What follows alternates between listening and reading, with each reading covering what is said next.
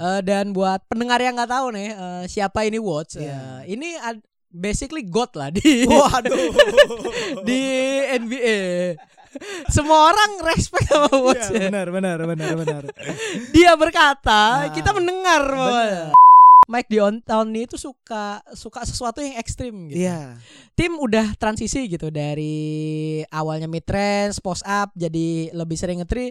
Mike D'Antoni ngelakuin itu to the fullest. Mungkin ini lebih ekstrim lagi nih. Nah, Nggak nggak pakai center Iya. murni kan. benar-benar pengen jadi ya shooter aja isinya. Iya. kan? Ya kita nggak tahu berhasil apa enggaknya kan. Cuma maksudnya ya kalau berhasil sih gua bakal salut banget sih sama Nah. Mike D'Antoni gitu.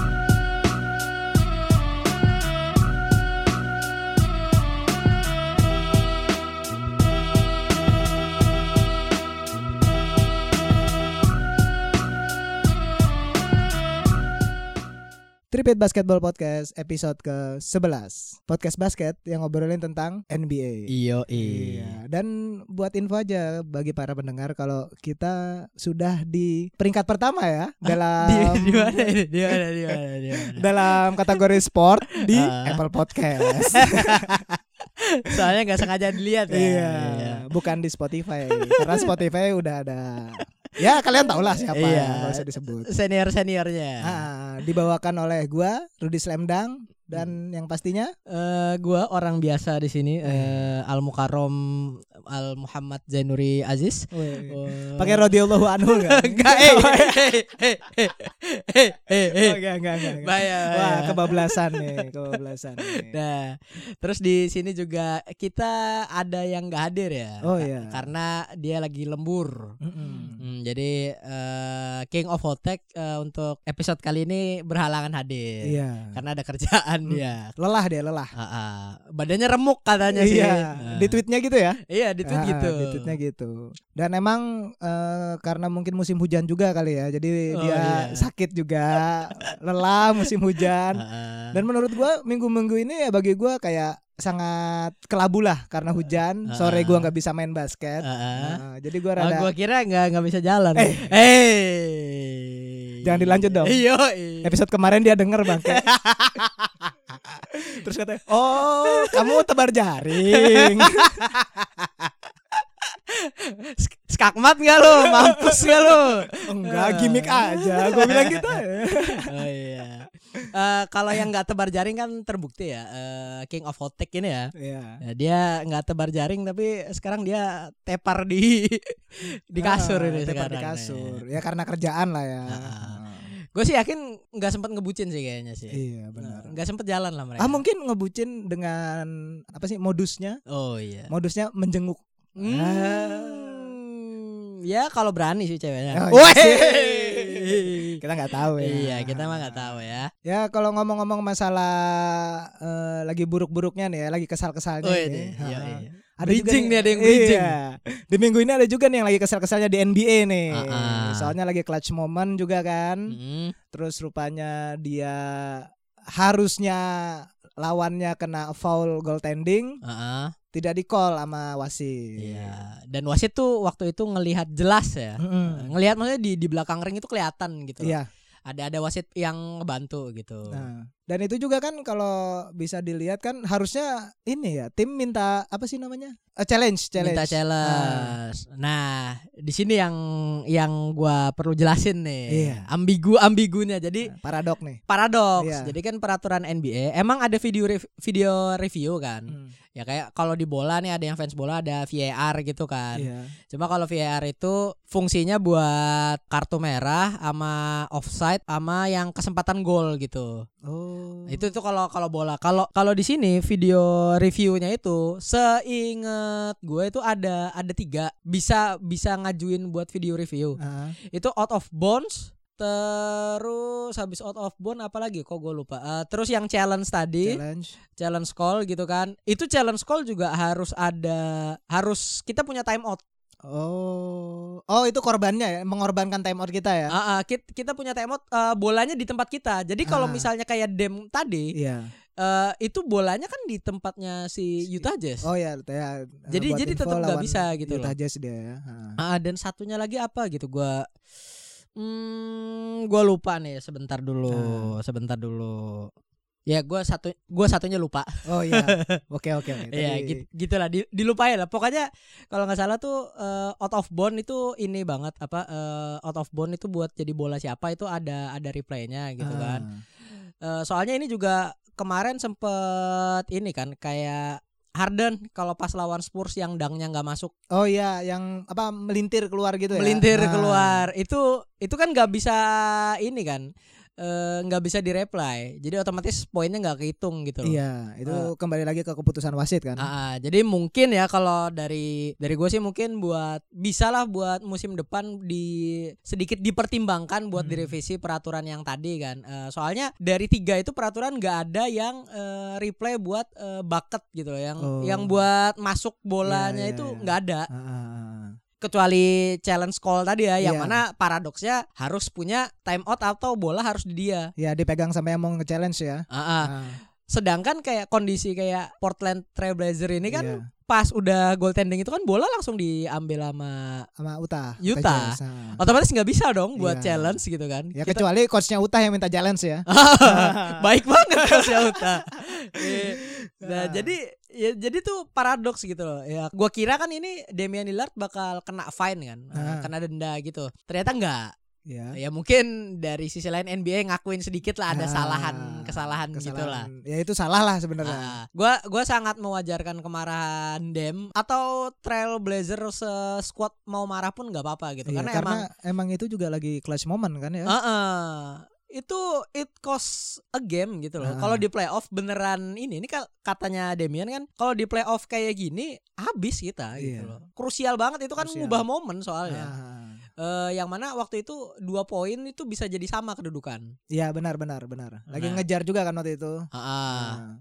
Dan juga kan pas waktu itu kan selain uncalled goaltending sebelumnya kan masuk foul juga sih seharusnya tuh. ya. Sebelum Rudy Gobert Oh ya, ha. ada ada ada harusnya kan masuk foul foul. itu. Ha. Cuma yang eh, mungkin itu masih abu-abu ya. Ah. Maksudnya masih bisa nggak kelihatan atau gimana oh, gitu. iya. Cuma yang goaltending tuh jelas banget sih. Ah. Udah mantul, Bos. Ya udah mantul baru di ta- apa tepok nama- sama tepok lagi. Rudy Gobert ini. Ah, pengen ngikutin LeBron James kali dia.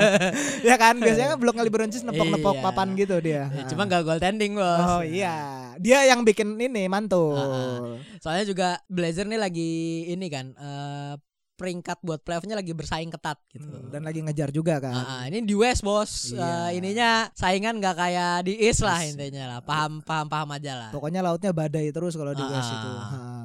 Dan juga kan kenapa kita obrolin yang masalah goaltending ini sampai salah satu reporter apa? Salah satu reporter ESPN Oh iya. siapa? Adrian Wojnarowski. Weh, watch watch Oh, watch. ya, Adrian Wojnarowski itu Ah. sampai nge-tweet kan masalah Ah. itu. Kalau udah eh, watch bersabda ini, Nah. kita mendengar. Iya, Nah. kola.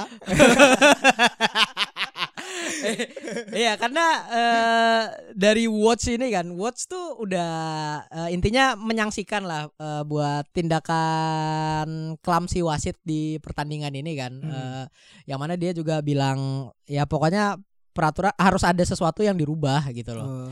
Eh, dari dari di tweetnya bisa bisa dicek aja ya Ha. Eh, dan buat pendengar yang nggak tahu nih eh, siapa ini Watch Iya. eh, ini ad- basically god lah di Waduh. di NBA. Semua orang respect sama Watch. Iya, benar, benar, benar, benar.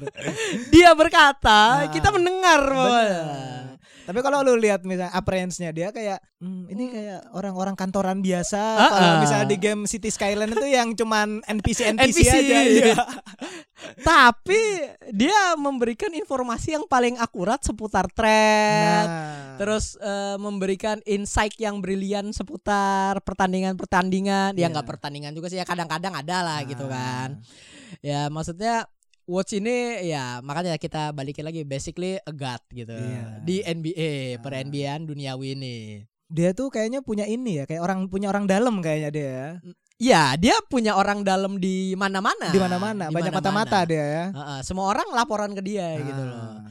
Ini orang yang tahu informasi lah pokoknya lah. Hmm. Nah, Dan karena di episode ini juga kita ngomongin watch ini pasti nggak lepas dari ngomongin thread. Ya minggu-minggu ini kan Ah, ah. lagi boom juga nih tweet-tweetnya dia masalah thread nih. Heeh, abis trade deadline soalnya. Iya.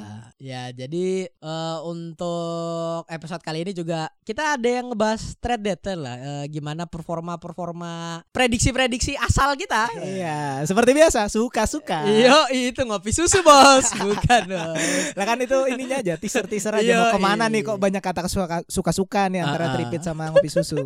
Follow ngopi susu. Aduh, soft selling dia jadinya kan. Aduh. itu nggak soft selling Oh, lagi. enggak itu. Hard hard. gitu. Langsung straight gitu ya. Jadi intinya ada trade deadline kan di eh, minggu minggu ini kan, minggu Ah. kemarin lah. Nah, di trade deadline ini ada mencuat nama-nama besar gitu. Iya. Kayak Di Angelo Russell. hmm, ke mana tuh? Jadi di Angelo Russell Russell ini kan dulu di Brooklyn Nets nih. Ah. Sebel- pokoknya season kemarin dan Ah. itu salah satu pemain yang bakal pengen gua fansin. Oh, sebuah- iya gue juga soalnya. Nah, pas Drip. kemarin ya. Drip bos. Drip It's bos. all about drip. Iya, betul sekali. Kalau gua ya Ah. nggak peduli main. yang penting style. Yoi. Tapi karena di musim ini dia pindah ke Golden State Warrior dan ya begitu mainnya. Ah. Bukan dia yang salah sih karena kalau dilihat di statistik produktif produktif aja. Ah, ah, sama benar. kayak season sebelumnya. Ah. Dan dia ini akhirnya dari Golden State yang terlihat tidak membantu Golden State Oh iya. di trade Hmm. ke Minnesota Timberwolves. Ah. Dan itu ditukar sama Andrew Wiggins. Ah. Jadi emang kalau kalau dari gua ya ini thread ini mungkin bisa ya gimana ya kalau nggak bisa dilihat sekarang sih soalnya. Hmm. Tapi kalau lihat yang sekarangnya aja di atas kertas ya mungkin cocok buat dua-duanya gitu. Oh gitu. Ha, karena kalau menurut gua kan Golden State itu kan perlu Steph Curry apa pun ininya, Ya. apa pun skemanya gitu kan. Apa pun isi pemain lainnya harus ada Ah. Steph Curry di situ. Dan siapa eh, Russell ini kan emang jatahnya dibikin supaya Curry lebih bebas gitu, lebih Ah. lebih nggak bawa bola gitu. Iya, iya. Lebih ya gerak-gerak ke sana kemarinya off ball Hmm. movementnya aja gitu. Ternyata Curry nggak ada. Nah. Dan sistemnya kan nggak nggak dibikin buat D'Angelo Russell. ya Sistemnya dibikin buat Curry tadi. Yuri tadi. Jadi ya mungkin kalau eh, kalau kata Steve Kerr kan juga ini kan eh, sempat ngomong eh, waktu kita pertama kali sign D'Angelo itu kita sempat ngeraguin sama ininya apa fit sama sistemnya gitu loh. Ah. Ya mungkin ya ini terjadi akhirnya kan di trade kan. Oh ya. Nah, akhirnya di trade ke Minnesota yang mana itu juga tim yang dia pengenin D'Angelo Russell pengenin karena di majalah Slam dia ada sempat ngobrol sama Cat Nah, sama Devin Booker, Booker. masalah ini kan pengen main bareng di satu tim nggak iya. tahu tim mana pun Ya, gitu pokoknya pengen ba- main bareng ya. Gua kira nih masalahnya kalau gua nih ngiranya Ah. nih masalahnya tuh ke ini ke Suns Oh. soalnya Devin Booker tuh kayak ya kayak nggak mungkin ninggalin Suns. Ah, ah, gitu Ah. aja kalau kalau menurut gua Nah, jadi KAT sama Dilo nih peng apa pengen nemenin lah. Ah, ah. Pengen nemenin Devin Booker. eh kayaknya enggak, Enggak. Eh, ini kan mereka kan eh, seinget gua tuh Kat sama D'Angelo seangkatan kalau nggak salah Kat pick nomor satu Oh iya, Dilo nomor 2. ya Dilo nomor dua Nomor dua. Dan Dilo sendiri ini karirnya masih untuk umur 23 tahun nih. Iya, betul. Sangat sangat ini ya, sangat Iya, gila. Sangat gila. Hmm. Jadi dia dari Lakers keluar gara-gara drama. Gua lupa pokoknya ada video antara apa gitu. Eh, dia kayak apa sih namanya kalau eh, ini ngasih tahu orang? Oh ini apa kalau zaman kalau anak pondok nih tahu ngejasus dia. ngejasus dia. Nggak ada yang Mata-mata, mata-mata. Enggak ada yang tahu.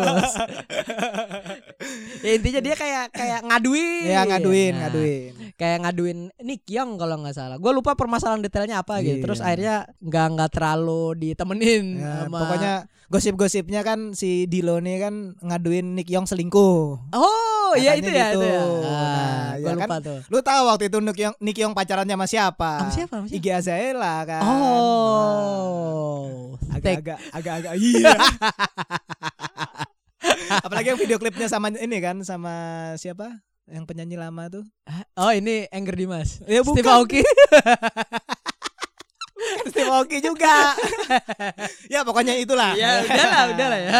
Dan akhirnya Golden State kan mendapatkan Andrew Wiggins nih. Ah, ah. Ah, di posisi small forward dia kan. Ah, ah. Andrew Wiggins di GSW berarti sebagai center of gravity apa gimana nih? Karena kan di sekarang juga GSW nggak ada Ah, Stephen benar, Curry benar, kan. benar. Jadi tidak ada center of gravity-nya dan juga center-center pemain-pemain dalamnya GSW juga udah pada dipindahin kan kayak Ah, Spellman juga ah, dipindahin ah. kan. Kalau menurut gua sih ya ini eh, Andrew Wiggins ini kan dan Steve Kerr udah bilang juga, lu kalau waktu di Minnesota mereka pengen lu jadi bintang. Heeh. Nah, kalau di sini lu jadi role player aja. Kita udah nyedain sistem buat eh, bintang yang lain. Oh. Itu Steve Kerr sendiri yang bilang. Udah ngomong gitu ke Andrew Wiggins dia. Ah. Yang mana yang menarik buat gua di sini adalah Andrew Wiggins musim ini udah ningkatin semua aspek gitu loh. Oh gitu. Semua kayak poin, rebound, assist gitu lagi dalam masa karir high-nya dia. Oh. Jadi itu lagi meningkat banget gitu. Lagi loh. improve banget lah di musim ini dia ya. Ah, improve banget yang mana juga Andre Wiggin ini dari apa ya dari keluarga yang atletik kan. Bapak ibunya atlet. Oh gitu. Ah, jadi Ah. gennya itu bagus banget gitu loh. Oh. ha.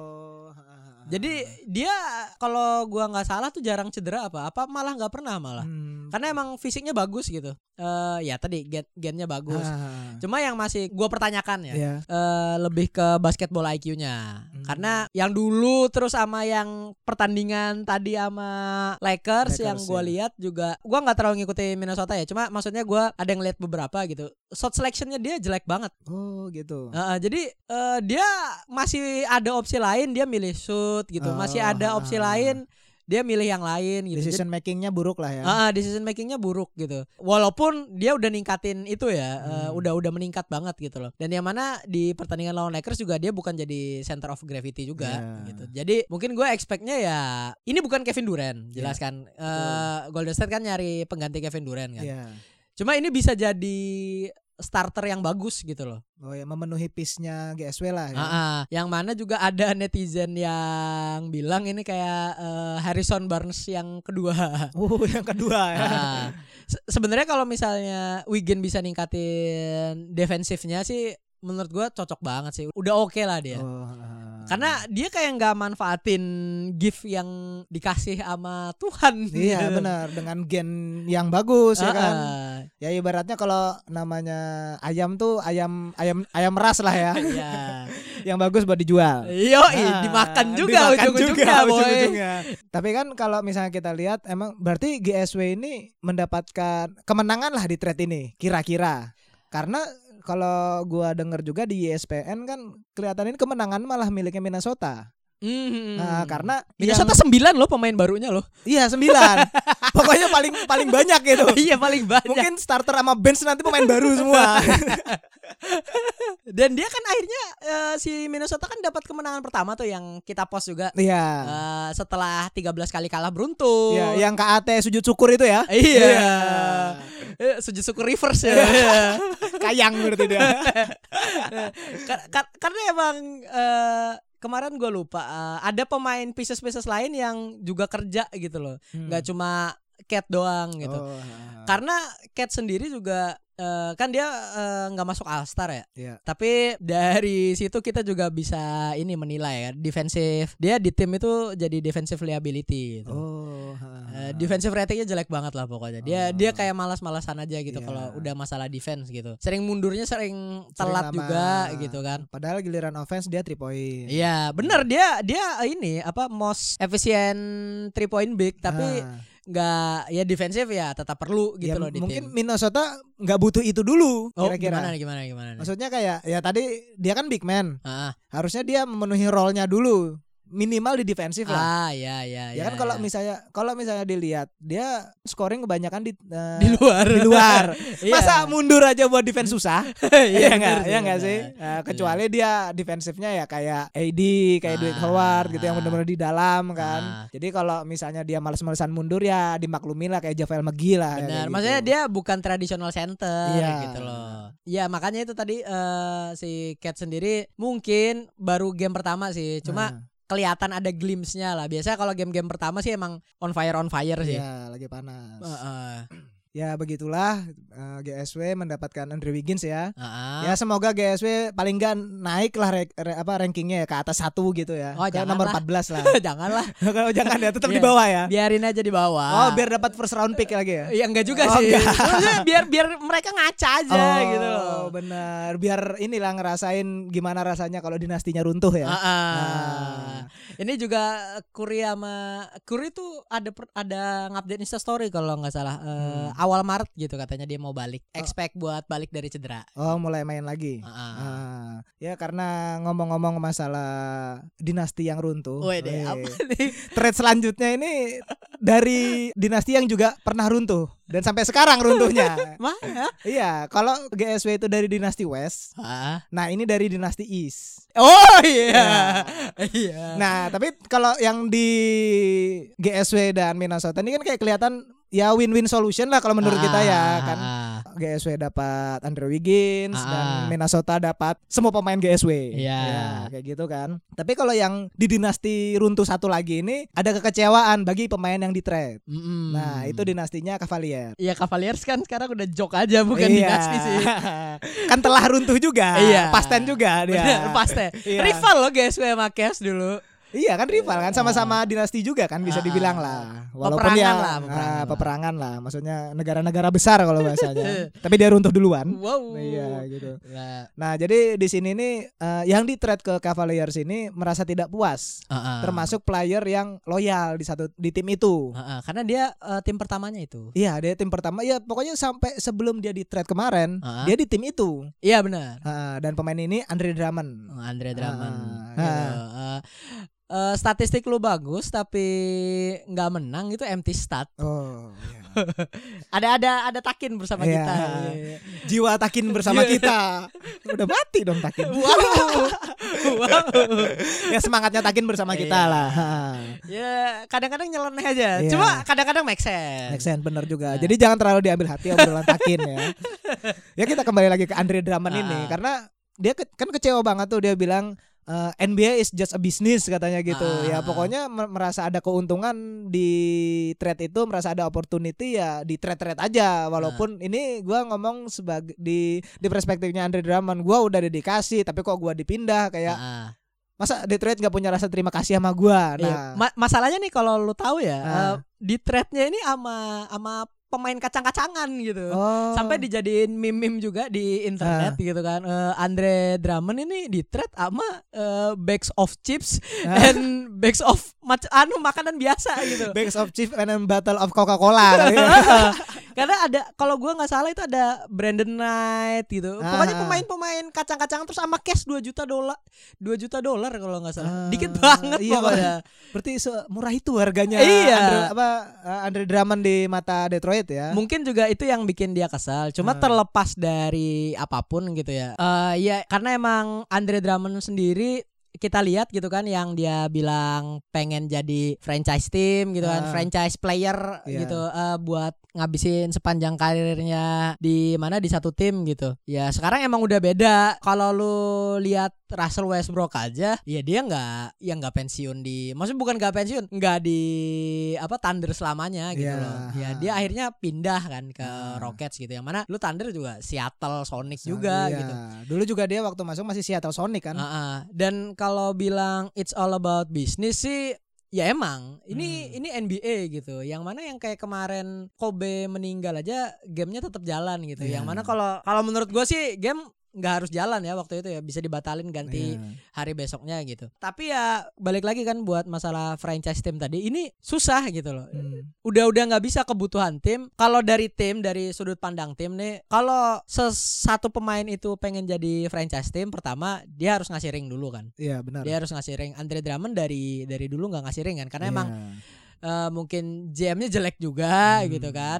Ya tidak bisa menyalahkan Andre Drummond sepenuhnya lah. Ah, ah. dan ini kan terjadi sama Black Griffin juga. Ah, Dia ya. kan cinta Clippers, Clippers nih. ya. Ya terus di trade taunya dari Twitter gitu Nah, kan.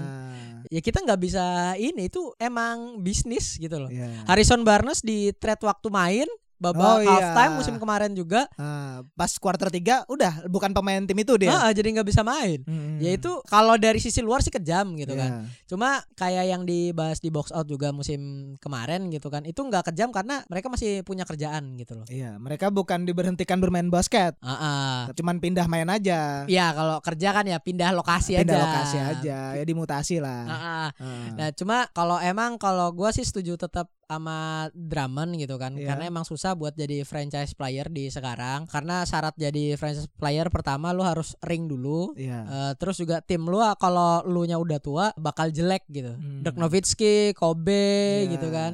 Kecuali kalau lu punya kaderisasi. Iya, kaderisasi ya. kaderisasi. Ah, memberikan apa namanya? eh, wari apa bukan warisan sih, apa Legasi, apprentice, legasi, apprentice, ya. apprentice, ada apprentice-nya. Ya, sama kayak Spurs gitu kan di Ah. tim Duncan sama Kawhi gitu kan kan eh, transisinya bagus gitu Iya. kan. Cuma Kawhi ya gitu lah. ya Iya, begitulah pokoknya. Begitulah pokoknya Ah. tidak sesuai dengan aspeknya tim Duncan lah. Ah, ah. Kayak Kobe, Dirk gitu kan Ah. eh, mereka hancur kan pas udah tua gitu. Iya, Timnya benar, hancur gitu. benar, benar. Karena emang emang begitulah kalau resiko dari franchise ini timnya Hmm. bakal mengalami mengalami penurunan drastis. Iya. Baru rebuilding lagi gitu. Ah, jadi emang maksudnya masa turun itu yang pa- pasti ada lah kalau misalnya tim itu sebelumnya ada pemain bintang yang Ah, loyal ya. Masa jaya juga. Masa jaya. Ya sama lah kayak nanti nih ke depannya kita nggak tahu ya kayak Klay Thompson sama Steph Curry ini kan. Ah, Ya, kita nggak tahu nih ke depannya beneran pensiun di GSW atau enggak gitu. iya. Semoga aja sih pensiun. Ya karena kan kita lihat mereka berdua lah yang benar-benar membawa GSW ke permukaan Ah, ya kan. Mereka make history gitu loh. Hmm. Iya, jadi kan kalau gua notice tadi ada Kawhi Leonard nih. Ah, ah, apa nih apa nih? Dan sekarang dia kan dipindah ke LA Clippers ya Ah. kan, yang ternyata dulu Clippers adalah tim yang membuat Black Griffin kesal karena dipindah. Nah, thread selanjutnya ini kita membicarakan tentang threadnya Clippers. Oh iya. iya. Jadi dia Clippers itu minta Marcus Morris. Ah, ah. Nah, itu by the way Marcus Morris itu dari mana ya? Dari New York Knicks. Oh, Ah, dari tim Knicks. kesenangan Takin biasa. Iya, benar. yang paling dicintai Takin. Ah, ah. Takin kalau lahir langsung wah aku cinta New York Knicks langsung gitu dia. Iya. Ya kalau dengerin mampus saya lu. Pokoknya salah sendiri nggak datang. Pakai lembur anjing. weh, weh, weh, weh, itu bukan pilihan dia. Jangan di Aduh, jangan gitu dong. Jadi kan kalau LA ini kan kita harap-harapkan pas lagi musim trade kemarin itu trade-nya Lakers nih. Ah, Nah, Kusma, dan-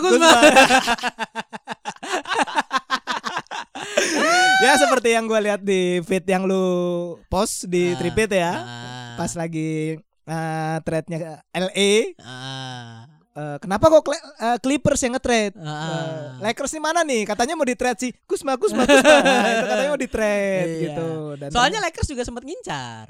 Eh, ngincar Marcus Marcus Morris Morris. juga. Ah. Ah. Ya cuma waktu itu Marcus Morris ya ngincar kalau nggak Lakers tuh ya Clippers. Oh, berarti dia emang pengen main di LA juga gitu ya? Ya gua sih nggak ngerti ya. Hmm. Eh, kalau trade tuh lebih lebih ribet dari ini kan soalnya kan antar tim kan. Iya. Kalau si pemainnya yang pengen main berarti itu pemainnya ya pemain bintang kayak Oh, LeBron ya, yang punya AD. player option itu ya. Ah. Hmm. Ya cuma sih kalau dari dari Marcus Morris ini cuma buat nambah depth-nya Clippers ya. Yang mana baru hari ini tadi dibantai sama Minnesota. Sama Minnesota. 142, 111 sama 112 gitu. Gua gua masih ini ya eh, Clippers nih kayak se hampir setengah musim ini masih belum ada setelannya gitu loh. Oh, ah. Ya pemainnya belum dapat lah klopannya ya. belum belum dapat ininya yang mana juga eh, ada dulu sempat di pertandingan beberapa pertandingan gitu Kawhi sempat kesel sama rekan setimnya yang gak defend gitu. Oh, Kawhi bisa kesel. Iya. Ya, lu bikin Kawhi kesel, lu yang salah. Iya, pokoknya gitu aja. Heeh. Kawhi itu udah paling sabar. ya. Dia Iya. sangat flat, sangat sabar. Tapi kalau dia kesel sama lu, nah coba lu introspeksi diri. Nah. Gua nggak ngerti Clippers ya, cuma yang yang terbukti menang kan di Lakers nih. Iya. Yang rekor lebih bagus Lakers nih. Nah, walaupun di awal-awal musim Clippers ini ya on fire on fire-nya ya. Heeh. Clippers peringkat berapa sih? Gue lupa. Ya pokoknya Lakers peringkat satu di peringkat di satu West di lah. West. ha. Eh itu juga walaupun Lakers kekurangannya pas masih lawan tim yang gede, Iya. tim-tim top yang transisi defense-nya bagus. Ah. Cuma Clippers ya kalah-kalah juga sama tim-tim ini. Iya, jadi kayak Clippers ini tidak apa maksudnya ini pas di awal-awal dia oke. Heeh. Habis itu dia bisa nembus ke apa lawan Mia- Miami, lawan tim-tim besar lainnya. yang defense defense-nya juga oke, yang tim-tim kesenangan Takin, eh Takin. Tim-tim defense-nya bagus-bagus ya kayak Toronto. Nah, mungkin dia udah kayak apa ya? Jumawa kali dia. ya. Udahlah kayak gini aja. Giliran kena bantai kena bantai bingung. Soalnya di awal dia nggak ada develop nih. Iya. Nah, Gue gue bingung juga sih kayak eh mungkin ya kan kalau di playoff kan mereka udah beda kan. Iya, Ya, benar. Kawhi udah beda lagi makanya ini eh, regular season nggak bisa dijadiin acuan gitu loh. Iya, iya. Ya walaupun rekornya bagus-bagus gitu kan. Eh nggak terlalu bagus. terlalu bagus. buat buat Clippers sendiri. Cuma ini trade Morris ini bisa nambah depth ya. Sama eh, mungkin bakal bisa jadi penentu ya buat ring buat Hmm. ringnya Clippers ring ring pertama Clippers karena kan Iya. kayak musim kemarin kita lihat Toronto itu ada Mark Gasol Ah, ah. yang jadi penentu ya maksudnya ada bantuan tambahan piecesnya buat mereka dapat cincin pertama gitu. Oh, ah. Itulah Clippers ya. Semoga ah. bisa disetting lagi Ah. biar bisa masuk playoff ya. Ya pokoknya kalau belum dengerin dengerin episode kita Ah. Lakers sama Clippers saja itu ada kita ngobrolin ininya kok tentang mainnya mereka kok di situ kok. Ah. Eh, selanjutnya itu dari tim kesenangan lu nih. Oh, iya. Enggak- nih. enggak juga. Iya kan itu katanya lu bandwagonnya tim ini, tim ini, Ya tim gue ini, suka pemain ngikutin. ini. Ya. Ya.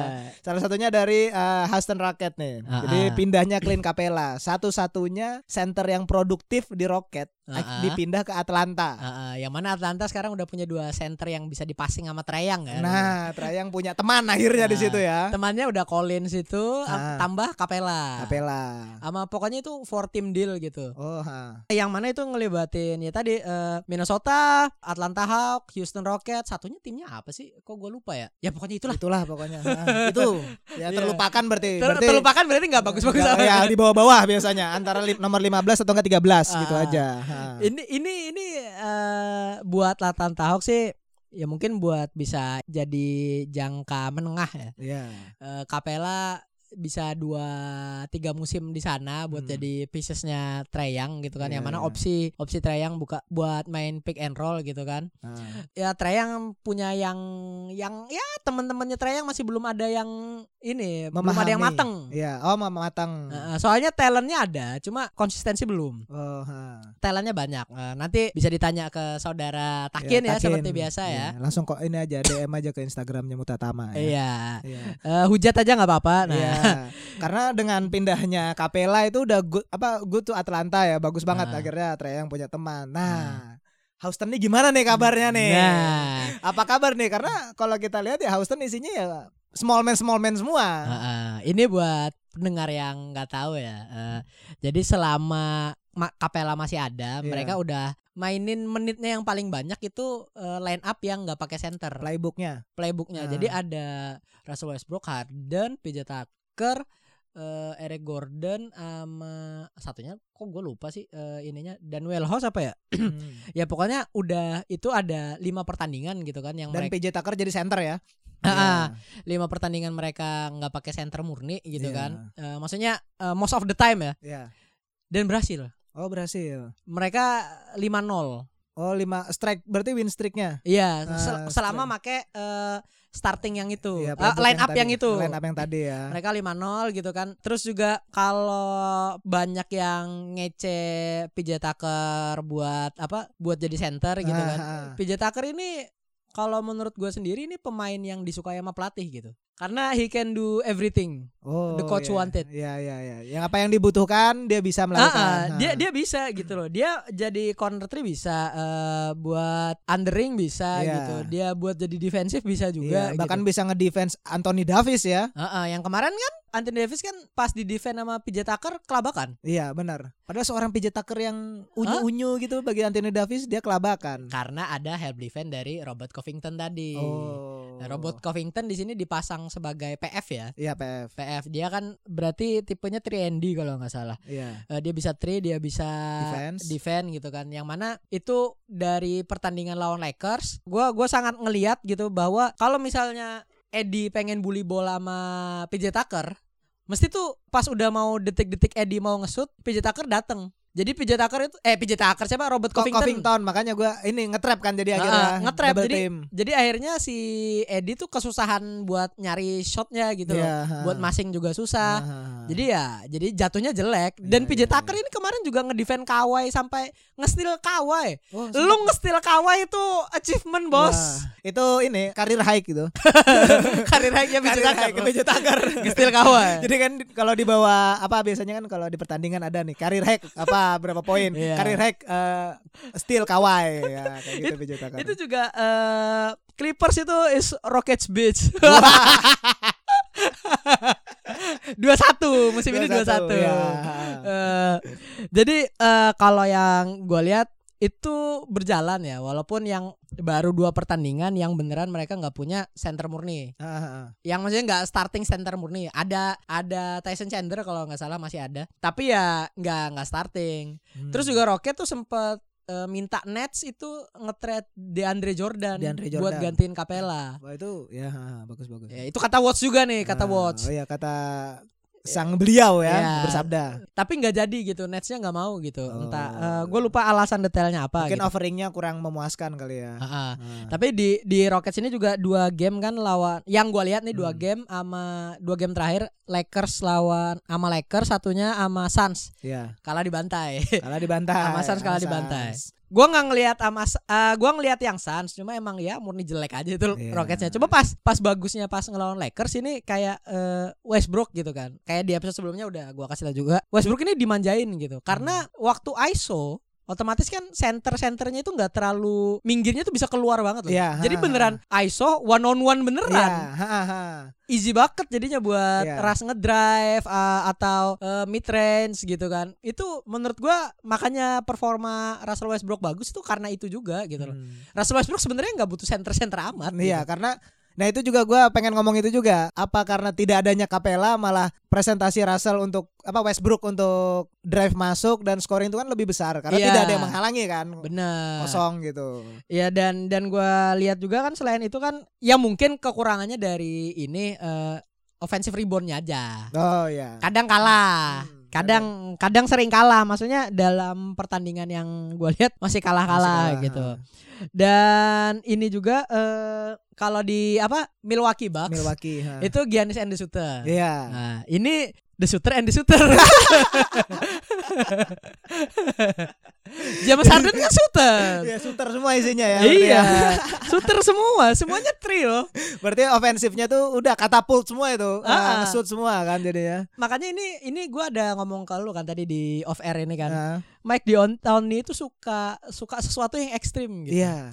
Tim udah transisi gitu dari awalnya mid range, post up jadi lebih sering ngetri. Mike D'Antoni ngelakuin itu to the fullest. Nah. Langsung full aja. Iya, pokoknya eh, all in lah kalau misalnya lagi Ah. taruhan dia ya. kayak eh, dari tiga musim terakhir mereka jadi tiga apa empat musim gitu. Mereka Hmm. jadi tim yang paling banyak attempt three. Attempt three. ha. Eh, Itu terbukti strateginya ya kalau nggak three drive inside, three Ya. drive inside, three drive inside gitu. nggak ada shoot two point deep two juga nggak ada kan Ah. Maksudnya kalau misalnya udah masuk Mepet banget lah kalau Iya. deep two itu lah. nah, nanggung lah mending di three sekalian Ah. gitu.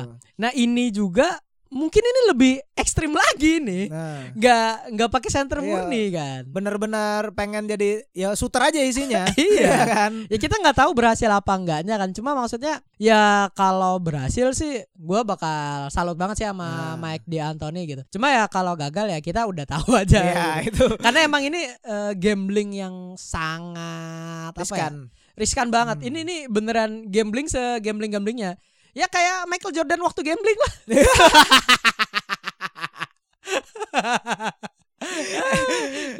Gak bisa dong, gak bisa. Lu kata takin doang ya bisa. This is your god. gue mau ngomong itu godnya takin loh kena juga ya Nah, jadi Rockets tuh gambling banget gitu. Apalagi Hmm. buat playoff gue gue masih takut aja gitu. Mereka nggak bakal berjalan jauh gitu. Yang, iya yang mana juga walaupun udah ada Harden sama udah ada Harden ya. Iya. Harden yang udah tobat nggak nggak flop-flop kayak musim 2015 16. Ya sekarang kan Harden udah udah berubah banget gitu. Hmm. Ya gua gua takut aja emang nggak melangkah jauh dan kesempatan mereka dapet ring semakin tipis gitu. Iya, apalagi kan yang kita takutkan sebenarnya bukan itu aja. Apa nih? Ya, salah satunya adalah perubahan kepribadian Russell Westbrook pas playoff nanti. Oh iya, Bos. Floppy Iya, Westbrook, iya, Bos. Floppy Westbrook nanti. Bukan playoff Rondo ya, Wow. beda. iya. Rondo nih dihujat habis-habisan loh di Lakers loh. Jelek Oh, banget tuh. Oh, bukannya dia dari dulu ya karena emang dibenci sama pemain NBA kan. iya sih. Apa Chris Paul juga? Iya. Dibenci juga. Mukanya tuh punchable gitu. Punchable. Bitch, this is fame, not clout. I don't even know what that's about. Watch your mouth. Baby got an ego twice the size of the crib. I can never tell a shit, it is what it is.